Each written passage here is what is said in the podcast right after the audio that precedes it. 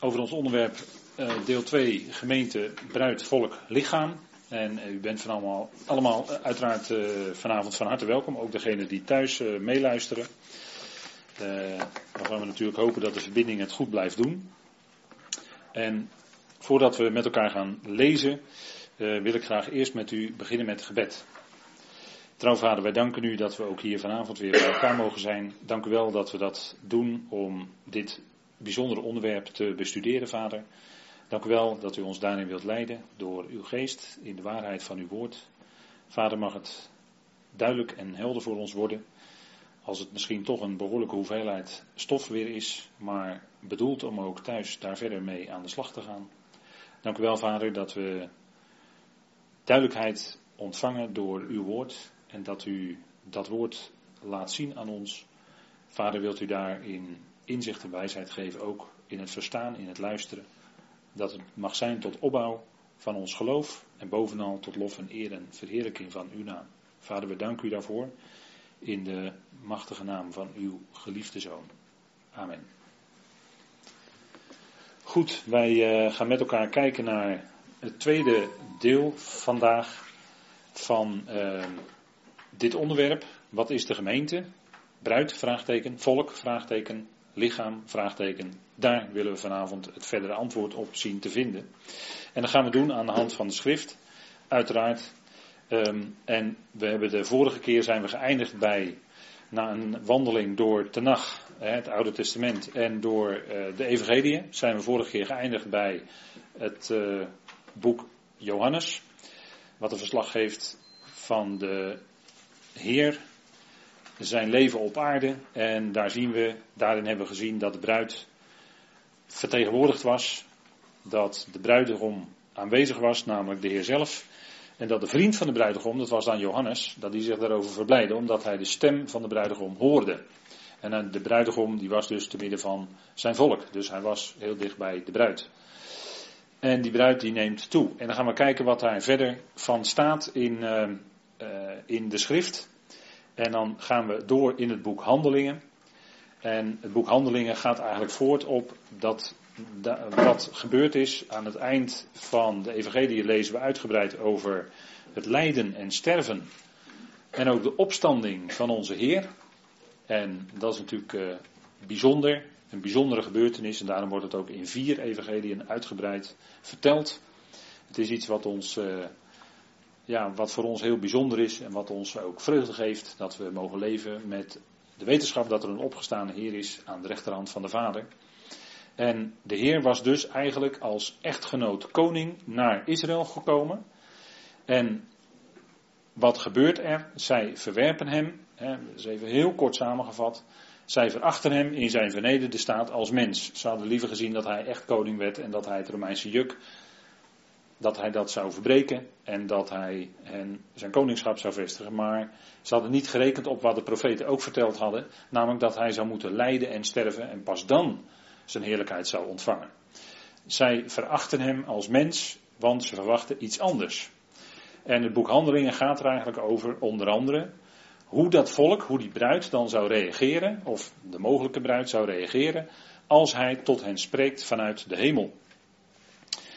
En als we dan in het boek Handelingen kijken, dan zien we dat eigenlijk die eerste hoofdstukken uh, een puur Israël-aangelegenheid is. Het, gaat, het draait alleen en uitsluitend om Israël.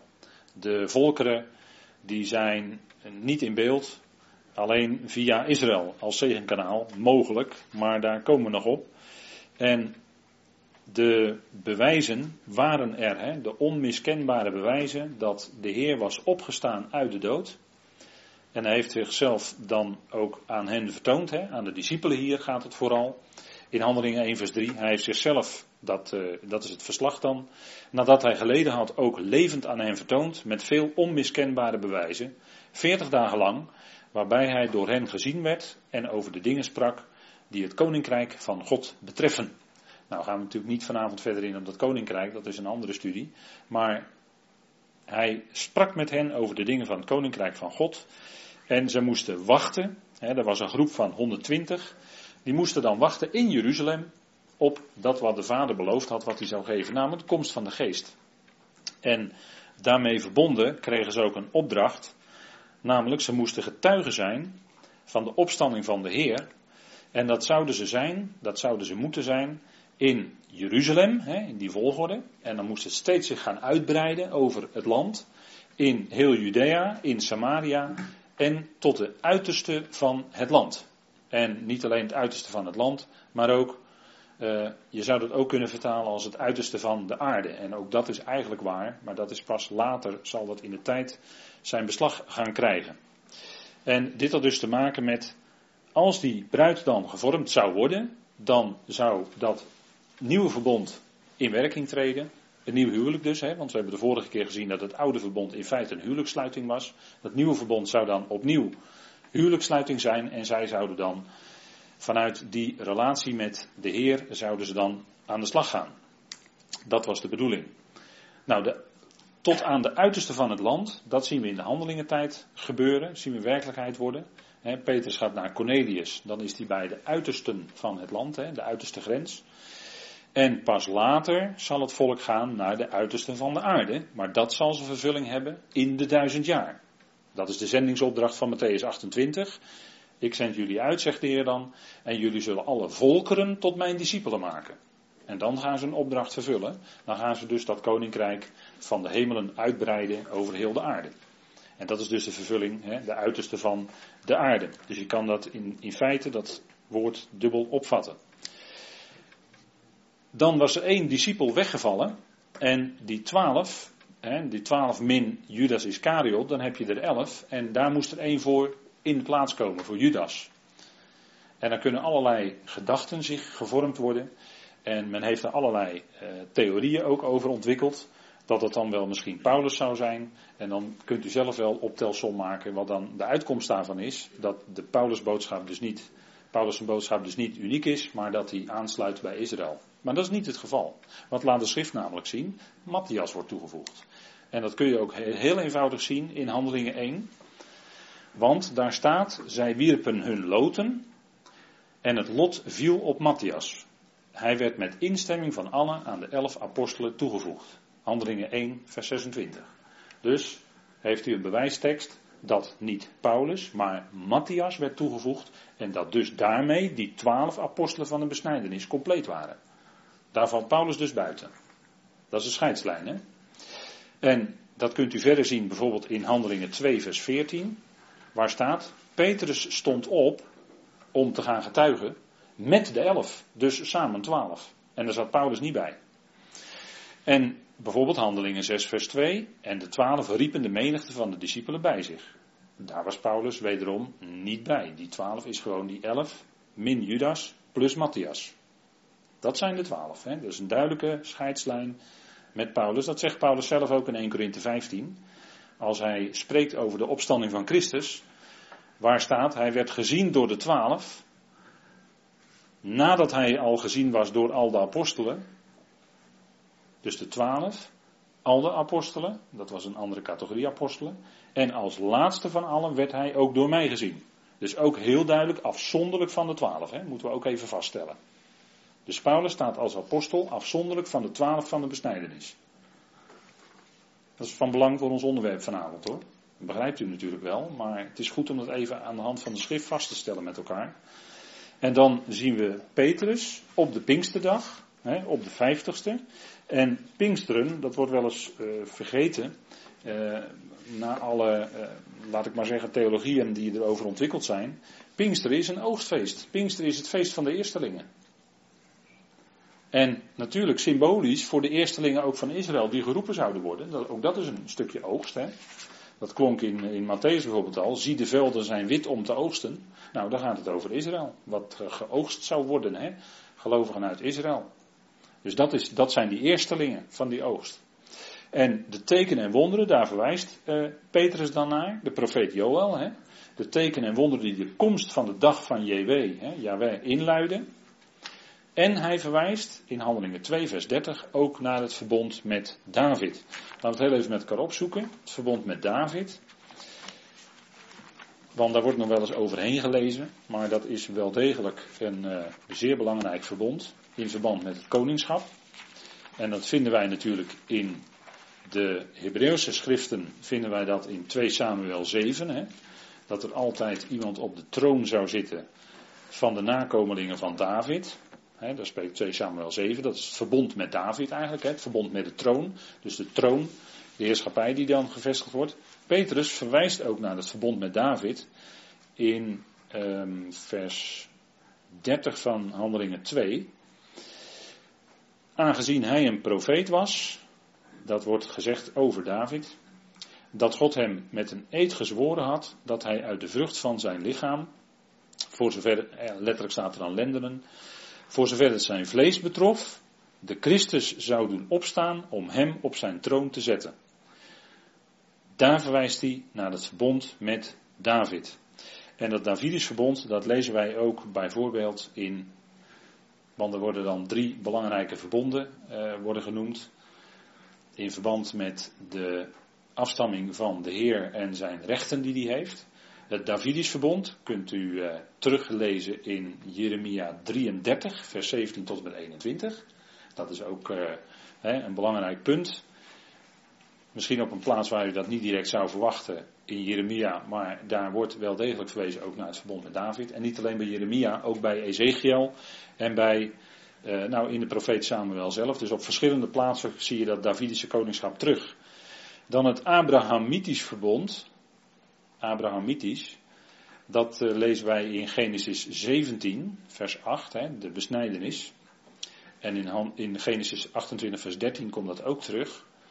En het Adamitisch verbond lezen we in Genesis 1, vers 28. Nou, die drie verbonden, en dat moeten we even zien, hè, recht even die lijn doortrekken, recht door de schrift, die lopen allemaal natuurlijk uit op de Heer zelf, hè, op Christus zelf. Hij is de vervuller van het Adamitisch verbond, hij is de zoon des mensen, de zoon van Adam. En als zodanig heeft hij recht op de troon over de hele wereld. Hij is de zoon van Abraham en als zodanig heeft hij rechten op uh, het land. Dat, is, dat heeft te maken met het land.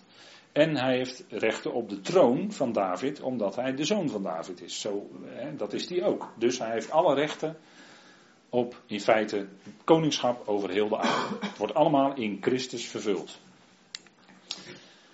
En dan zien we dat op Pinksteren er dus een aantal die boodschap aanvaarden.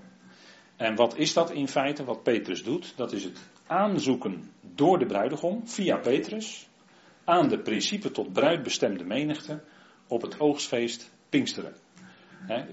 we zetten het nu in dat licht, in dat kader, omdat dat ook het geval is. we zeggen altijd, ja, het woord aanbod werd gedaan aan het volk.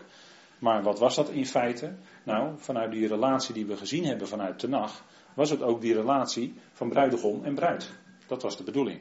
Dus hier wordt door de bruidegom in feite het aanzoek gedaan tot de bruid om daarop in te gaan zo, dat, dat is in feite eh, wat ook aan de hand is.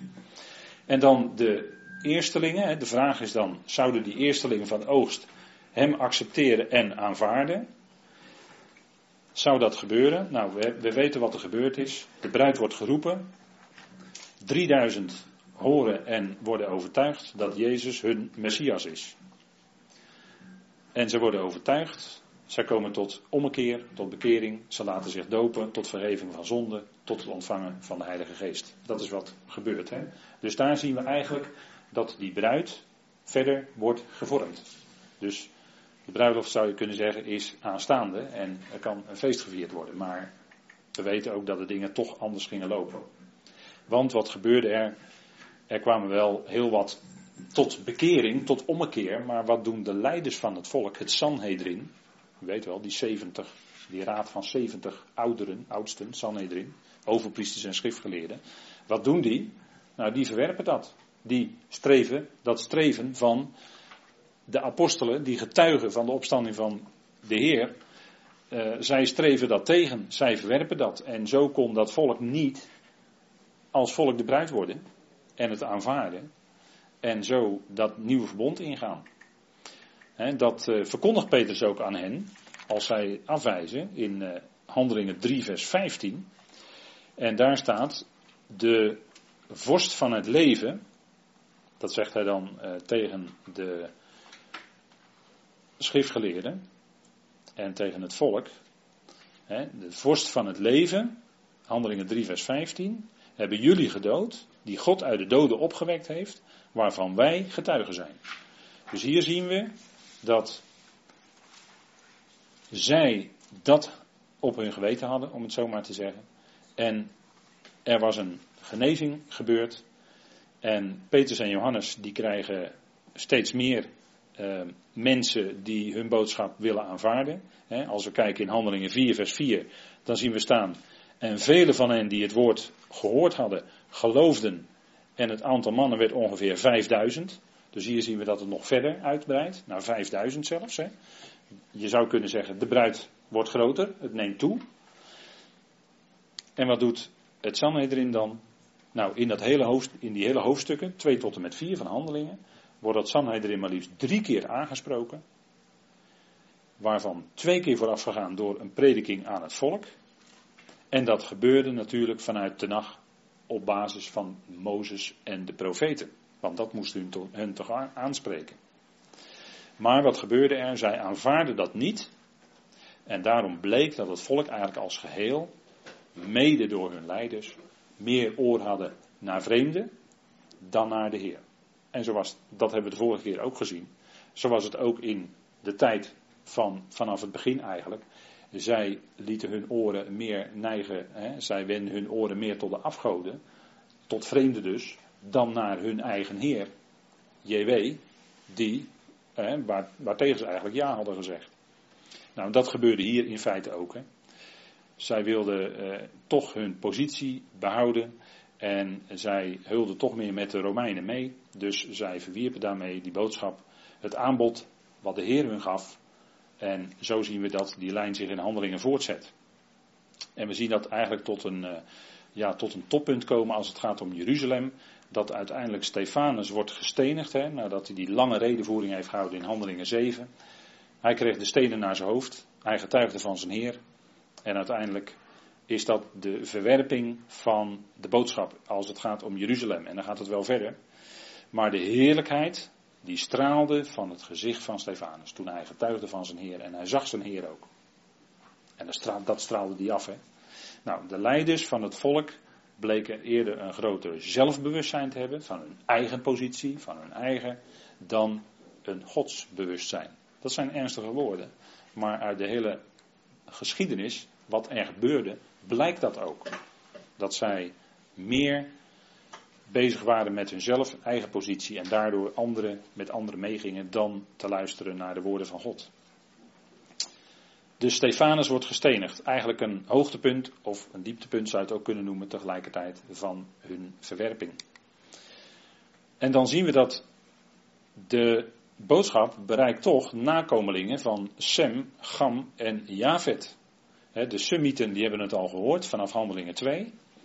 En dan zien we in Handelingen 8 een ontmoeting met een van de nakomelingen van Gam, zou je kunnen zeggen. De kamerling uit Morenland. Hè. En die hoorde de boodschap uit de mond van Filippus. Hij las Jezaja 53. En hij vroeg aan Filippus, die ineens door de Heilige Geest bij hem werd gezet. Wat betekenen deze woorden?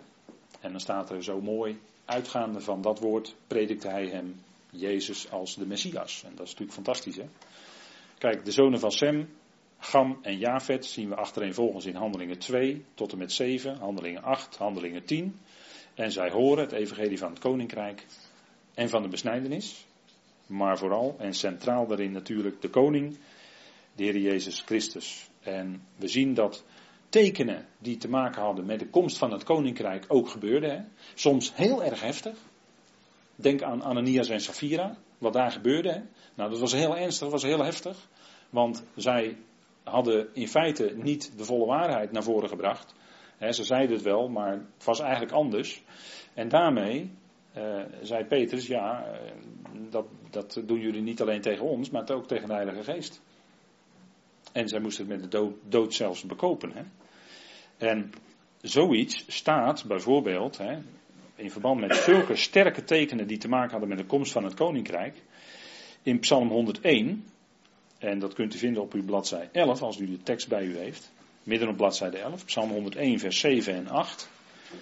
En dat is eigenlijk profetisch dan gezegd op het koninkrijk. Hè. Deze dingen, zoals met Ananias en Safira, dat kun je zeggen, ja, dat is dan negatief. Maar zulke dingen zullen dan wel gebeuren. Hè? In het komende koninkrijk. Als wij weg zijn. En als er dus heel veel gebeurd is en koninkrijk wordt opgericht hier.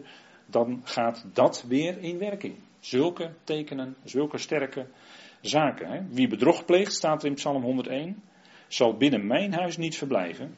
Wie leugen spreekt, zal voor mijn ogen geen stand houden. Elke morgen zal ik alle goddelozen in het land ombrengen, om alle die onrecht bedrijven uit de stad van JW uit te roeien. Nou, dat is nogal wat, hè? Dat is nogal wat. Maar dat zien we dus gebeuren bij Ananias en Sapphira. He, dan denk niet dat dit natuurlijk woorden zijn die zomaar gesproken zijn. Dit zijn woorden die hebben dan volle geldingskracht. En dat is dan gerechtigheid in het komende koninkrijk, gerechtigheid. Maar wel met een ijzeren roede. En begrijpt u wat het betekent? En uh, dat is ook wat andere beschrijvingen weergeven hoor. Dit, dit is niet in tegenspraak. Misschien in tegenspraak met onze gedachten die wij erover hebben. Maar dit is wel wat ook onder andere gaat gebeuren. En dat kun je ook met andere teksten laten zien hoor. Dus de komende duizend jaar moet u toch, ik heb dat ook steeds, moet ik toch steeds mijn gedachten een beetje bijstellen. Toch wat te mooi en te idealistisch kennelijk over gedacht. Het is toch allemaal wat anders hè, dan, dan je, je zou denken. En soms ook misschien wel wordt, de indruk wordt gewekt. Nou, dan gaan we door naar handelingen 10. Hè, nadat Filippus die Kamerling had ontmoet in handelingen 8. Een nakomeling van Gam. Komen we bij een nakomeling van Javet, Cornelius, de Romeinse hoofdman. En wat was Cornelius? En dat wordt wel eens vergeten. Cornelius was een vereerder van God. En daarmee wordt gezegd dat hij een proseliet is. Hij was al genaderd tot de God van Israël. Hij is niet een pure heiden. Maar hij was al genaderd tot Israël. hij was al proseliet. En eh, daarom was hij in feite ook eh, gereinigd. Want dat laken wat naar beneden kwam, waardoor Petrus overtuigd moest worden. Daarbij wordt gezegd, ja, wat ik rein verklaard heb, Petrus, dan moet jij niet tot onrein verklaren. Dus die Cornelius, die gold al in feite voor God als gereinigd. Hij was een vereerder van God en deed vele goede werken. Nou, er ging een goede roep van hem uit waarschijnlijk. En Petrus komt daarbij hem, die moet wel overtuigd worden. Maar het is een proseliet. En dat is wat uh, hij dan komt uh, prediken, Petrus. Petrus komt prediken daar het koninkrijk. En dan valt daar ook die Heilige Geest. Nou, u weet hoe dat gaat. En zo wordt ook een nakomeling van Jafet bereikt. Hè? Maar u ziet dat die hele lijn is vanuit Israël. Het getuigenis is vanuit Israël. Lijn is van het koninkrijk. En in feite is dat allemaal nog uh, geheel afzonderlijk van een hele andere lijn. En dat is Paulus, die in Handelingen 9 begint, in feite met zijn roeping. En die we dus niet terugvinden of later pas iets van terugvinden, maar vooral in zijn brieven lezen. En dat is een hele andere lijn dan de lijn die zo in handelingen getrokken wordt. En kijk, Cornelius was iemand die gereinigd was. Vele goede werken, dat was ook een van de voorwaarden. En wij, wat is nou het grote verschil met ons? Nou, wij zijn gered zonder werken. Hè? Zonder dat wij daar iets voor hoeven te doen. Hè? Geen goede werken zoals Cornelius die moest doen.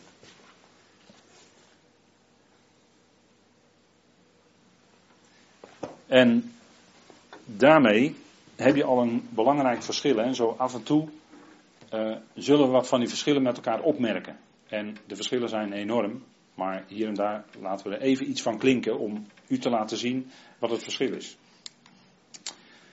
Wat bleek in de handelingen? Israël is afvallig. Het is in feite dezelfde lijn als we lezen in Tenach, als we lezen in de Evangelie, als we lezen dus verder in handelingen dan zien we dus dat dat een lijn is die er één is van toch uiteindelijk afwijzing. Getuigenis van de Heilige Geest zelfs wordt afgewezen. En daarmee uh, zien we dus dat Petrus eigenlijk, dat is heel tekenend in handelingen, op de achtergrond komt. En Paulus komt op de voorgrond. Paulus wordt geroepen in handelingen 9. En we zien en we lezen eigenlijk in handelingen steeds meer over Paulus. En dat is natuurlijk ook heel tekenend van de tijd die zou gaan aanbreken de tijd waarin wij nu nog steeds leven. Het beheer van het geheimenis, waarin genade de toedeling is die God geeft. Hè? Kern van het evangelie van Paulus. En we zien dat ook in dat Jacobus, de apostel, wordt gedood. En even uit mijn hoofd gezegd is dat Handelingen 11. En daarna komt Jacobus, de halfbroer van de Heer, naar voren. En die voert dan ook het woord in Handelingen 15 op het apostelconvent. Maar vergist u zich niet, dat is de, in feite de lijn van het vlees, omdat hij broer was van de Heer, om die reden kwam hij zo op de voorgrond. En werd hij ook zo, uh, ja, uh, was iedereen stil als hij het woord nam. Maar dat is op de grond van de vleeselijke lijn. Hè? Het is niet de apostelen. Petrus had in feite in Handelingen 15, die nam ook wel het woord, maar die had het woord moeten houden en niet Jacobus. Want Petrus was de leider van de apostel van de besnijdenis. Die had daar, maar dat gebeurde niet. Uiteindelijk had Jacobus het laatste woord. En er werden inzettingen, er werden decreten gelegd op de heidenen. En dat deed Paulus ook. Goed, dat had een bepaalde reden. En we zien dus dat die lijn heel duidelijk in handeling is. Petrus naar de achtergrond, Paulus op de voorgrond. En dat is ook wat zou gaan gebeuren. Hè? Het evangelie. En als we gaan kijken dan in de brieven, want we hebben nu heel even wat facetten gezien in handelingen over mogelijk het vormen van de bruid, de bruidsgemeente. En we zien eigenlijk dat het in handelingen langzaam maar zeker toch op de achtergrond raakt. Dus ook dan was, toen was het nog niet de tijd dat die bruid daadwerkelijk ook, hè, dat het tot een huwelijk zou komen en dat ze in het nieuwe verbond zouden komen. En als we dan kijken bij de brieven van de apostelen die aan de besnijdenis, van de besnijdenis, die ook aan de gelovigen of aan de twaalf stammen wat breder hebben geschreven van de besnijdenis, dan moet je dus nagaan, in verband met ons onderwerp, is het dan zo dat die apostelen of die brievenschrijvers, is het dan zo dat zij met die, geloof, met die gelovigen of die stammen waar ze aan schrijven, uh, terminologie gebruiken die we kennen ook vanuit de brieven van de apostel Paulus. Hè. Ons onderwerp is lichaam of bruid of volk. Wat is de gemeente nou eigenlijk? Nou, gaan we kijken bij Jacobus. Waar handelt de brief van Jacobus over? Over de tijd van handelingen en de periode voor het aanbreken van de dag van Yahweh. En dat kun je uit de brief afleiden als je de brief leest. Dat de Heer zal komen, hè, daar schrijft hij ook over in hoofdstuk 5 bijvoorbeeld. En hij schrijft aan de twaalf stammen in de verstrooiing. Hè. Dus Jacobus 1, vers 1. Misschien goed om dat heel even met elkaar te lezen. Want dat is toch de adressering van de brief. En dat moeten we er toch kijken van. Hè, het is een hele simpel gegeven van als je de inhoud van een brief wil waarderen, dan moet je kijken aan wie die brief eigenlijk geschreven is. Dat is een heel eenvoudig principe van Bijbelstudie.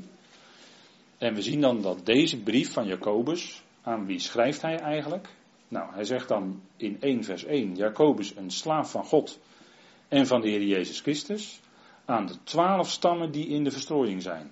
Wees verheugd. Dus aan wie schrijft hij? De twaalf stammen in de verstrooiing. Israël was verdreven uit het land, de twaalf stammen waren in de verstrooiing. Ballingschap. En dus dit, dit kan, hier, kun je geen andere, hier kan geen misverstand over bestaan. Dit is gericht aan Israël. En dat, dat is absoluut, hè, anders moet je vers 1 overslaan. En sommigen doen dat dan, die, die stappen eroverheen en die gaan dan verder lezen en dan willen ze toch op zichzelf betrekken. Maar dat is lastig, want dan stap je wel over vers 1 heen. En ik denk toch dat dat niet kan.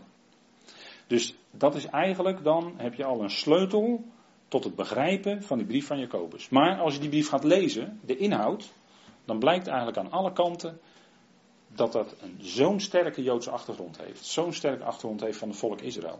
Ja, dat kan eigenlijk niet missen. en dat is ook wat we zien in uh, hoofdstuk 2 bijvoorbeeld. Er wordt gesproken over, ja, over rechtvaardiging, maar door werken. Zonder werken gaat het bij Jacobus niet. En anders zegt hij, is het een doodgeloof? En dat is heel duidelijk gericht aan het volk, wat werken nodig heeft, waar toch iets bij moet komen. En dat is in tegenstelling tot de pure genade die we bij Paulus lezen, Romeinen 11, vers 6. Bijvoorbeeld, dat is een hele sterke. daarin wordt heel duidelijk die genade tegenover de werken gezet. Is het uit genade, dan is het niet uit de werken. Is het uit de werken, dan is het niet uit de genade. Anders is de genade geen genade meer. Nou, duidelijker kan je het volgens mij niet zeggen. En Dit is een heel duidelijk onderscheid met Jacobus, die werken als bewijs van geloof als voorwaarde ziet. En dan noemt hij een aantal voorbeelden. Abraham, Rahab. Uh, nou, hij zegt dan, oké, die hadden werken bij hun geloof. En dat was een soort bewijs van hun geloof, dat was nodig. Ja, en dat geldt ook voor Israël. Nou, de rijken worden aangesproken. Nou, als we het hebben over Israël, dan zitten daar nog wel wat rijke mensen in. Hè? We kennen wel wat rijke Joden, denk ik, hier en daar op de wereld. En Jacobus spreekt ze aan hè, met een hele sterke uitspraak. Uw rijkdom is. Uh, ja, hoe staat het er eigenlijk? Uw rijkdom is. Uh, bijvoorbeeld in 2 vers 6. Hè, hebt u daarin tegen de armen schandelijk behandeld? Zijn het niet de rijken die u overweldigen? En slepen juist zij u niet naar de rechtbank? Dus die rijken die spelen dan in die tijd, en dat zal ook zo zijn naar de eindtijd toe, naar het koninkrijk toe, zullen die rijken een hele sterke uh, rol spelen, die rijken van Israël. En dat is wat we ook in uh, uh, de evangelie zien. Ook dat onderscheid tussen rijk en arm en dat daar onrechtvaardigheid tussen zit. Nou, dat, dat is nu zo en dat is straks in de tijd van naar het koninkrijk toe ook zo. er wordt gesproken over sociale rechtvaardigheid. En opnieuw zien we dus, hè, net, als bij de, uh, net als bij het Sanhedrin, uh, dat zij dus liever naar de wereld luisterden. Ze gingen dus liever met die Romeinen mee. Hè. En in feite, zegt uh, Jacobus dan, overspeligen, hè, vriendschap met de wereld, dat is vijandschap tegen God. En wie dan een vriend van de wereld wil zijn, die wordt met de daad, hè, of wordt als vijand van God aangemerkt. Nou, dat is natuurlijk een hele scherpe bewoording hè, van Jacobus. En daarin zien we ook die achtergrond van die bruid die dus liever naar anderen luisterde, net als in het Oude Testament, en daarmee, en daarmee in feite hun rug toekeerde naar hun Heer. Nou, dat is wat de Heer hier ook hen op aanspreekt. Dan zien we in de synagoge, hè, zij zijn in de synagoge, Jacobus 2, vers 2. Hè. Want als in uw samenkomst, dan wordt daar het woord synagoge gebruikt. Hè. Een man zou binnenkomen met een gouden ring aan zijn vinger in sierlijke kleding en er kwam ook een arme man in haveloze kleding. En u zou hoog opzien tegen hem die de sierlijke kleding draagt en tegen hem zeggen, gaat u hier zitten op een mooie plaats en u zou tegen de armen zeggen, gaat u daar maar staan of ga hier zitten bij mijn voetbank. Als ze zo doen in de synagoge, dat is onrechtvaardig, hè? sociale onrechtvaardigheid. En ze zou juist iedereen daarin gelijkstellen. En ze heeft het dus niet over de gemeente, hier, maar over in de synagogen. Dus ook een heel duidelijk punt. Het gaat hier om Israël. Hè? En dan spreekt hij over een dreigend en onbarmhartig gericht. Hè? Hoofdstuk 2, vers 13. Daar staat, want onbarmhartig zal het oordeel zijn over hem die geen barmhartigheid heeft bewezen. En de barmhartigheid triomfeert over het oordeel. Dus er is barmhartigheid in het gericht. Hè? Maar er dreigt dus wel een onbarmhartig gericht. Hè? Waar gaat het bij Jacobus nog meer om? Om redding van de ziel. En dat is wat je ook ziet bij, uh, bij Petrus bijvoorbeeld. Hè? En bij, uh, ook in de Hebreeënbrief gaat het om redding van de ziel. Uh, Jacobus 1, vers 21. Waar staat, leg daarom af alle vuilheid en elke uitwas van slechtheid en ontvang met zachtmoedigheid het in u geplante woord dat uw zielen kan redden. Dus hier gaat het om redding van de ziel. En als we kijken bij Paulus, dan gaat het om redding van de geest en door de geest. dus dat, daar zien we dat de geest eh, daar ver boven de ziel uitgaat. Maar bij Jacobus, bij Petrus, bij Hebreeën gaat het om redding van de ziel. En zegt Jacobus, er is bij de redding ook volharding nodig. Nou, hoofdstuk 5 en dan vers 11. Er staat, zie, wij prijzen hen gelukzalig die volharden. U hebt gehoord van de volharding van Job en u hebt de uitkomst van de Heer gezien, dat de Heer vol ontferming is en barmhartig. Dus ze hebben ook volharding nodig. En daarin zien we ook een stukje, zoals dat bij Israël geldt, richting het koninkrijk, dat zij moeten volharden tot het einde om zo het koninkrijk te kunnen binnengaan. Hè. Matthäus 24 bijvoorbeeld. Ook een bekende tekstplaats hè, wat dat betreft. Nou, ik denk dat Jacobus dan heel duidelijk is. Hè? Als we even in vogelvlucht daar doorheen gaan, dan zien we dat het heel duidelijk te maken heeft met Israël. En um, dat zij dus ook aangesproken worden op, uh, ja, helemaal op hun eh, setting, hè, zoals zij eh, staan met hun evangelie. En wat zien we dan? Jacobus noemt het lichaam van Christus niet, maar spreekt wel over een aspect van de bruid. En schrijft aan de twaalf stammen in de verstrooiing. Dus hier zien we duidelijk een scheidslijn. Hij spreekt niet over het lichaam van Christus, maar hij spreekt wel over aspecten van de bruid. Punt, hè? Dan Petrus, ook bij Petrus, als we daar in vogelvlucht doorheen gaan, dan zien we dat hij schrijft aan de vreemdelingen in de verstrooiing. En dat zijn ook de Joodse gelovigen. Is het bij Jacobus nog wat algemener de twaalf stammen? Niet helemaal duidelijk of ze allemaal gelovig zijn, denk ik niet. Maar bij Petrus gaat het duidelijk over gelovige Joden in de verstrooiing. Petrus, eh, de eerste brief, 1 vers 1. Petrus, een apostel van Jezus Christus, aan de vreemdelingen in de verstrooiing in Pontus, Galatië, Cappadocië, Azië en Bithynië. En dan gaat hij verder met hen aan te spreken. Nou, is heel duidelijk dat hij als apostel van de besnijdenis, de apostel, dat hij zijn brief richt ook aan de besnijdenis. En wat doet hij in feite? Hij schrijft aan de leidende gelovige rest, die ongedeerd zal gaan door de grote verdrukking.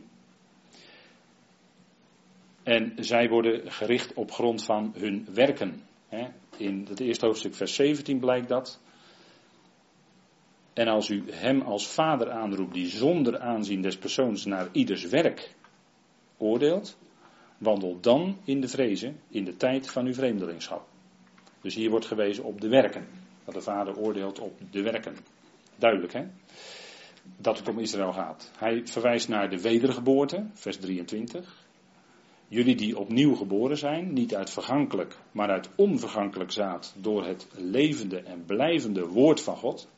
Dus dat is wat in hen geplant was, waardoor zij tot leven gewekt zijn, waardoor zij opnieuw geboren zijn, de wedergeboorte. Zien we ook duidelijk dat het met Israël te maken heeft, dit. Hè? En zij zijn een volk van koningen en priesters. Nou, daar verwijst E. Petrus 2 natuurlijk naar. Hè? Vers 9, eh, 1 Petrus 2, vers 9. Maar jullie zijn een uitverkoren geslacht, een koninklijk priesterschap, een heilig volk, een volk dat God zich tot zijn eigendom maakte, opdat u de deugden zou verkondigen van Hem die u uit de duisternis geroepen heeft tot zijn wonderbaar licht. En dat is, dit verwijst natuurlijk terug dat ze koning en priester zullen zijn. In feite naar Exodus 19. Naar de sluiting van het oude verbond. Waarvan we de vorige keer gezien hebben. Dat dat in feite een huwelijkssluiting betrof. Hè? Of in ieder geval, ze zeiden ja. En dat was een aanzet tot een huwelijk wat zou plaatsvinden in het land. Maar ze moesten eerst in het land komen. En zij kwamen grotendeels niet in het land. Dat is een andere zaak. Maar het was de bedoeling dat ze als een koninklijk priesterschap en zo als de bruid, als het volk, in het land zouden komen. En daar verwijst Petrus naar terug. Hè? Dus ja, eigenlijk is het ook weer niet te missen dat dit heel duidelijk te maken heeft met Israël. Hij verwijst terug in zijn tweede brief naar de verheerlijking op de berg. In vers 16, het eerste hoofdstuk vers 16, van de Heer, eer en heerlijkheid. Nou, dat is ook een uitdrukking die gebruikt wordt uh, bijvoorbeeld bij de hoge priester, eer en heerlijkheid in het Oude Testament. Dus ze verwijst heel duidelijk terug naar de hoge priester, die ook eer en heerlijkheid had. En daarmee zien we ook dat Petrus eigenlijk in beide brieven zich volledig richt tot Israël, de gelovigen uit Israël. Zij kenden de Heer. Hij verwijst heel duidelijk naar de Heer als zijn, degene die hem zond, hè, apostel van Jezus Christus. En eigenlijk merk je in alles dat dit draait om Israël, de gelovigen uit Israël. En dan gaat het hier specifiek om die gelovigen die straks ook door de grote verdrukking heen zullen gaan. Zij zullen daarin lijden. En er wordt ook gesproken over het gericht. Dus Petrus richt zich tot de besnijdenis. Hij is ook een apostel van de besnijdenis. Hè? En dan samenvattend zou je kunnen zeggen: Petrus noemt het lichaam van Christus niet maar wel aspecten van de bruid. Hebben we net gezien met elkaar. Hè? Ze zijn koning en priesters, bekleed dus met die heerlijkheid en daarmee de bruid.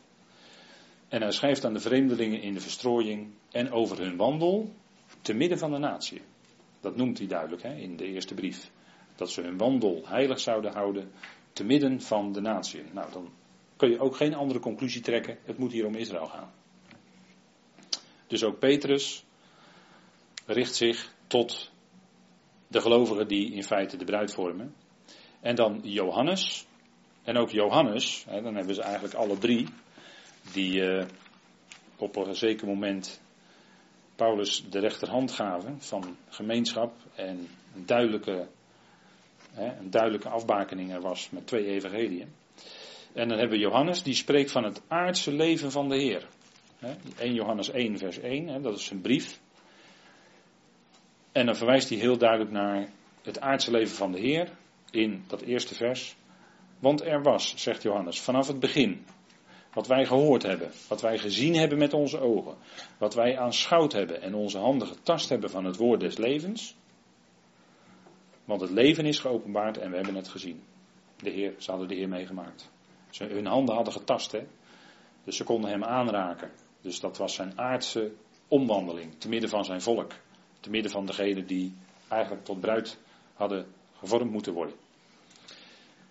Johannes die spreekt ook over vergeving van zonden. Hè? Dus dat is een hele duidelijke andere karakter heeft deze brief van Johannes dan de brieven van Paulus. Het is wel eens goed om even die verschillen met elkaar te zien. Hij spreekt over de vergeving van zonden. En wij zijn gerechtvaardigd om niet. Dat is een veel hoger niveau dan vergeving van zonden. Als je vergeving van zonden ontvangt, is dat geweldig op zich. Maar als je spreekt over rechtvaardiging, om niet, ja, dan dat, is, dat gaat veel verder.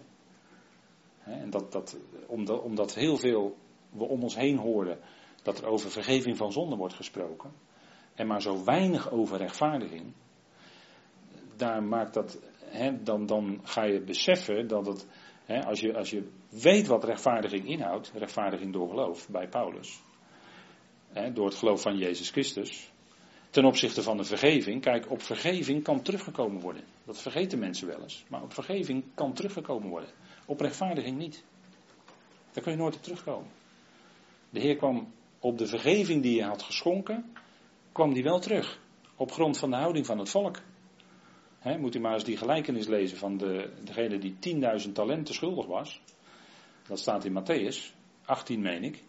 En dat is eigenlijk een profetische gelijkenis van hoe het met het volk zou vergaan. Want die schuldenaar van 10.000 talenten, dat was het volk zelf. En zij konden anderen, de heidenen, konden ze niet eens nog veel minder kwijtschelden. En toen kwam de Heer terug op die kwijtschelding.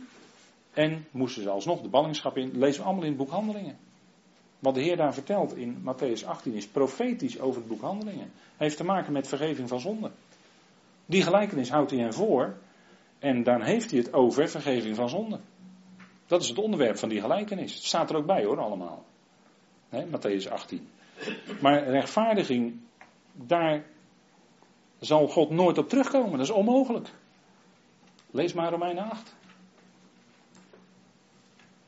Wie zal uitverkorenen van God kunnen beschuldigen? We zijn gerechtvaardigd, dus dat is niet mogelijk.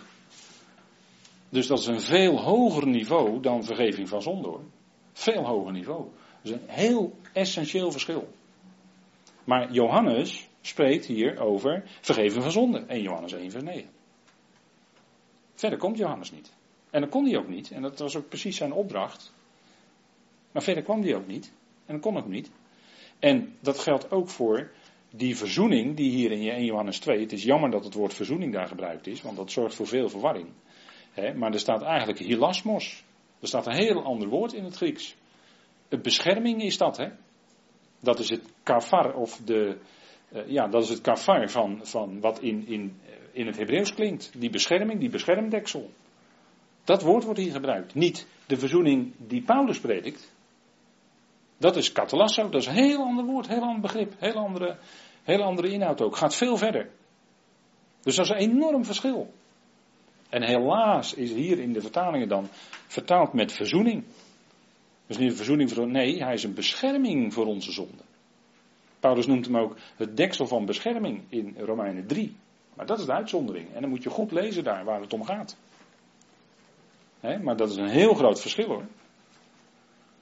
Dus je kan niet zomaar alles op één hoop schuiven en zeggen dat het allemaal voor ons is. Wordt wel gedaan, Maar dat kun je niet doen. Dan leid je enorm geestelijke schade van. Dat gaat je geestelijk leven enorm beschadigen als je dat gaat doen. Het gaat er niet om, om, om, eh, om een bril op te zetten of wat dan ook. Daar gaat het niet om. Maar het gaat erom of je geestelijk de, het niveau uh, kan zien wat Paulus heeft. En, en daar ook blij mee bent. En, en die verschillen ook ziet. Want dat, Paulus heeft wat dat betreft zoveel meer inhoud in zijn boodschap. Gaat zoveel verder. Is zoveel hoger niveau eigenlijk. En het gaat niet om hoger en lager in verkeerde zin. Maar gaat dan in geestelijke zin die geweldige rijkdom die we dan bezitten. Daar gaat het om. En, en daarom is het goed om die verschillen te benadrukken. Omdat ieder, ieder, alles komt dan op de juiste plaats terecht. En dat moet ook. Nou, Johannes heeft het dus over verzoening. Ja, nee, wacht even. Hilasmos, bescherming. En met de notitie van bedekking mag ik erbij denken, maar het gaat om bescherming. En dan heeft hij het over uit God geboren. Hè? Dat is ook weer die wedergeboorte. 1 Johannes 3, vers 9. Heeft hij het over wij die uit God geboren zijn. Er staat in 1 Johannes 3, vers 9.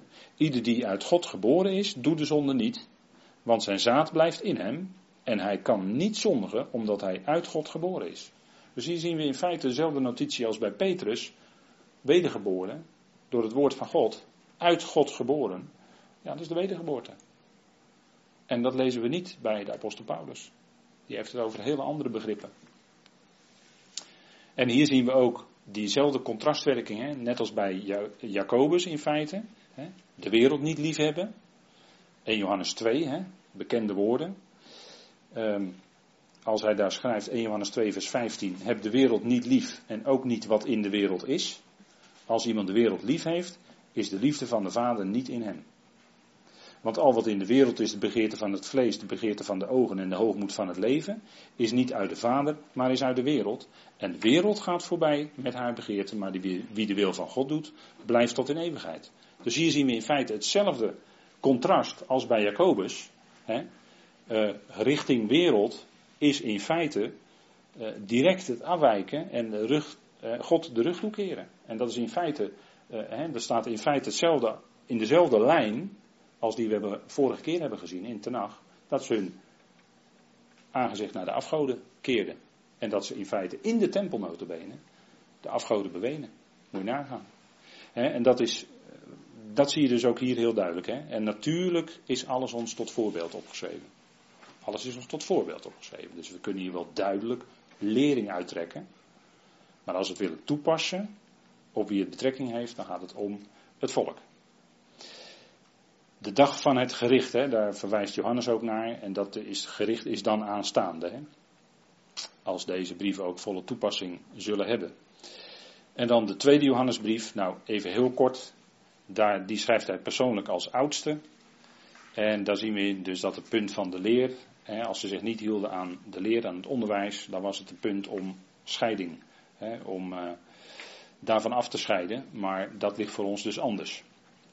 En de derde Johannesbrief is voor de gelovige Jood. En dat lezen we bijvoorbeeld ook in uh, dat zevende vers. Waarin uh, Johannes dan wijst op. Neemt niets van de heidenen. Nou, dat kan hij alleen maar tegen Joden zeggen. Even kijken. Derde Johannesbrief, vers 7. Even heel kort, want ze zijn voor zijn naam uitgegaan. zonder iets aan te nemen van de heidenen.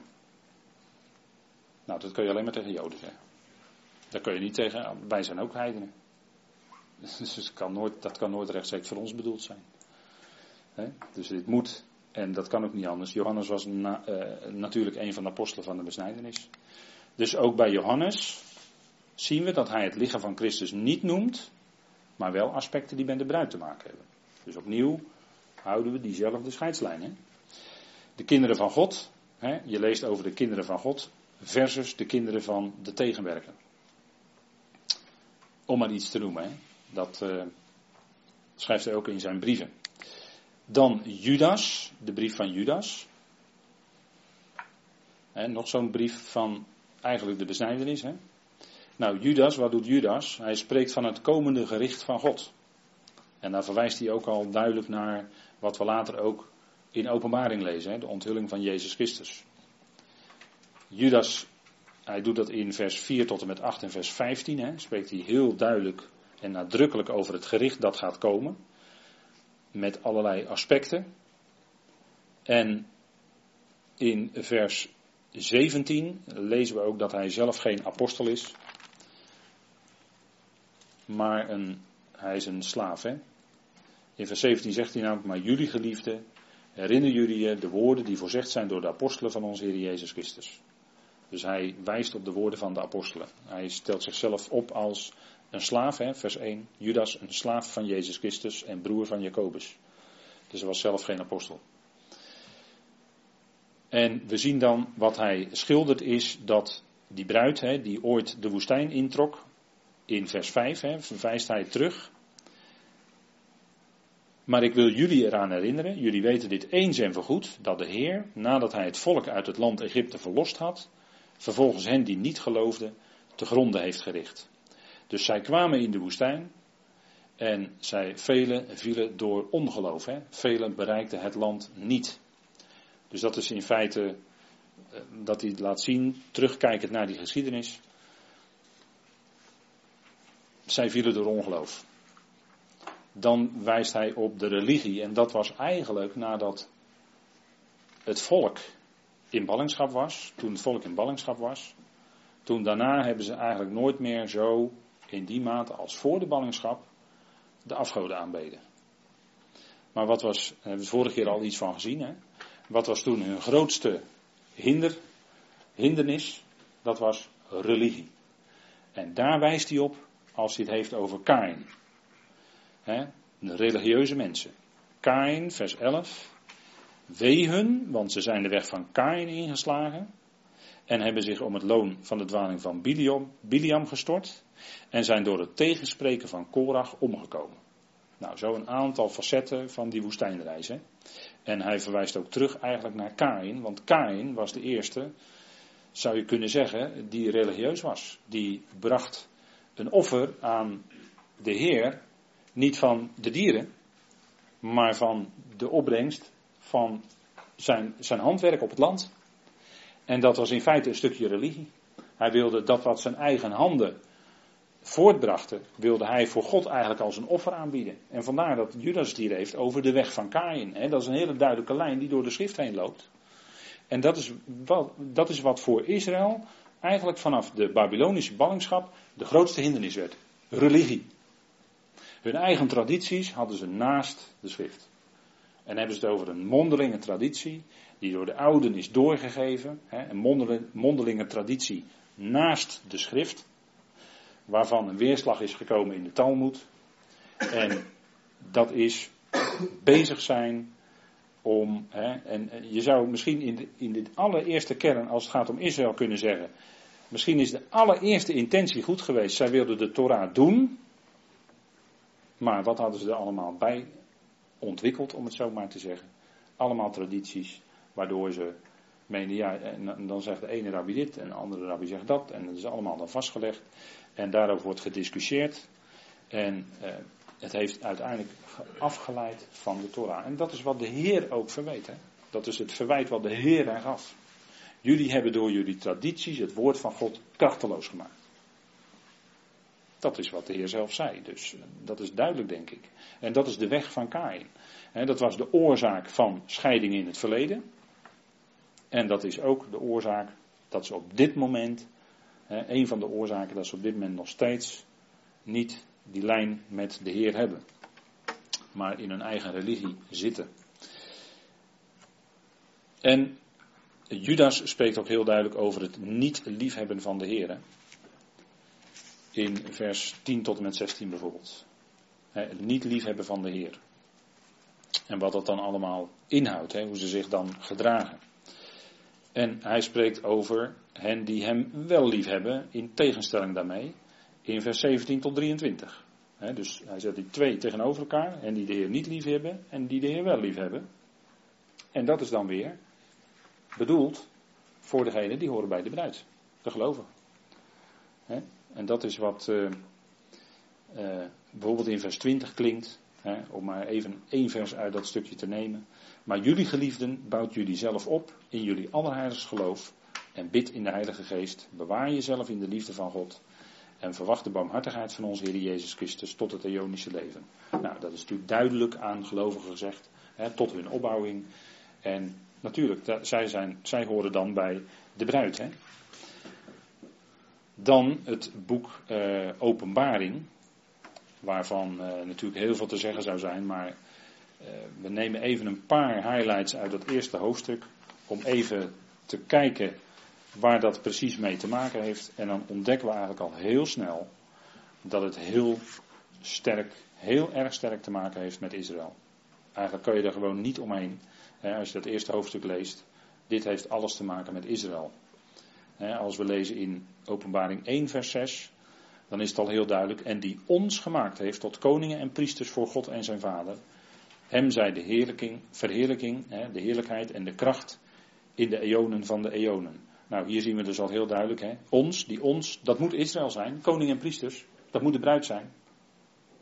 Dat kunnen we nu wel zeggen, eigenlijk heel snel, op basis van alles wat we nu al met elkaar gezien hebben. Dat het vanuit de vorige keer, toen, dat was de basis. En als je daar dus op voortbouwt, dan zie je, kijk, hier moet het gaan om Israël als de bruid. Goed, ik stel voor dat we even een moment pauzeren en dan gaan we straks met elkaar weer de weg vervolgen.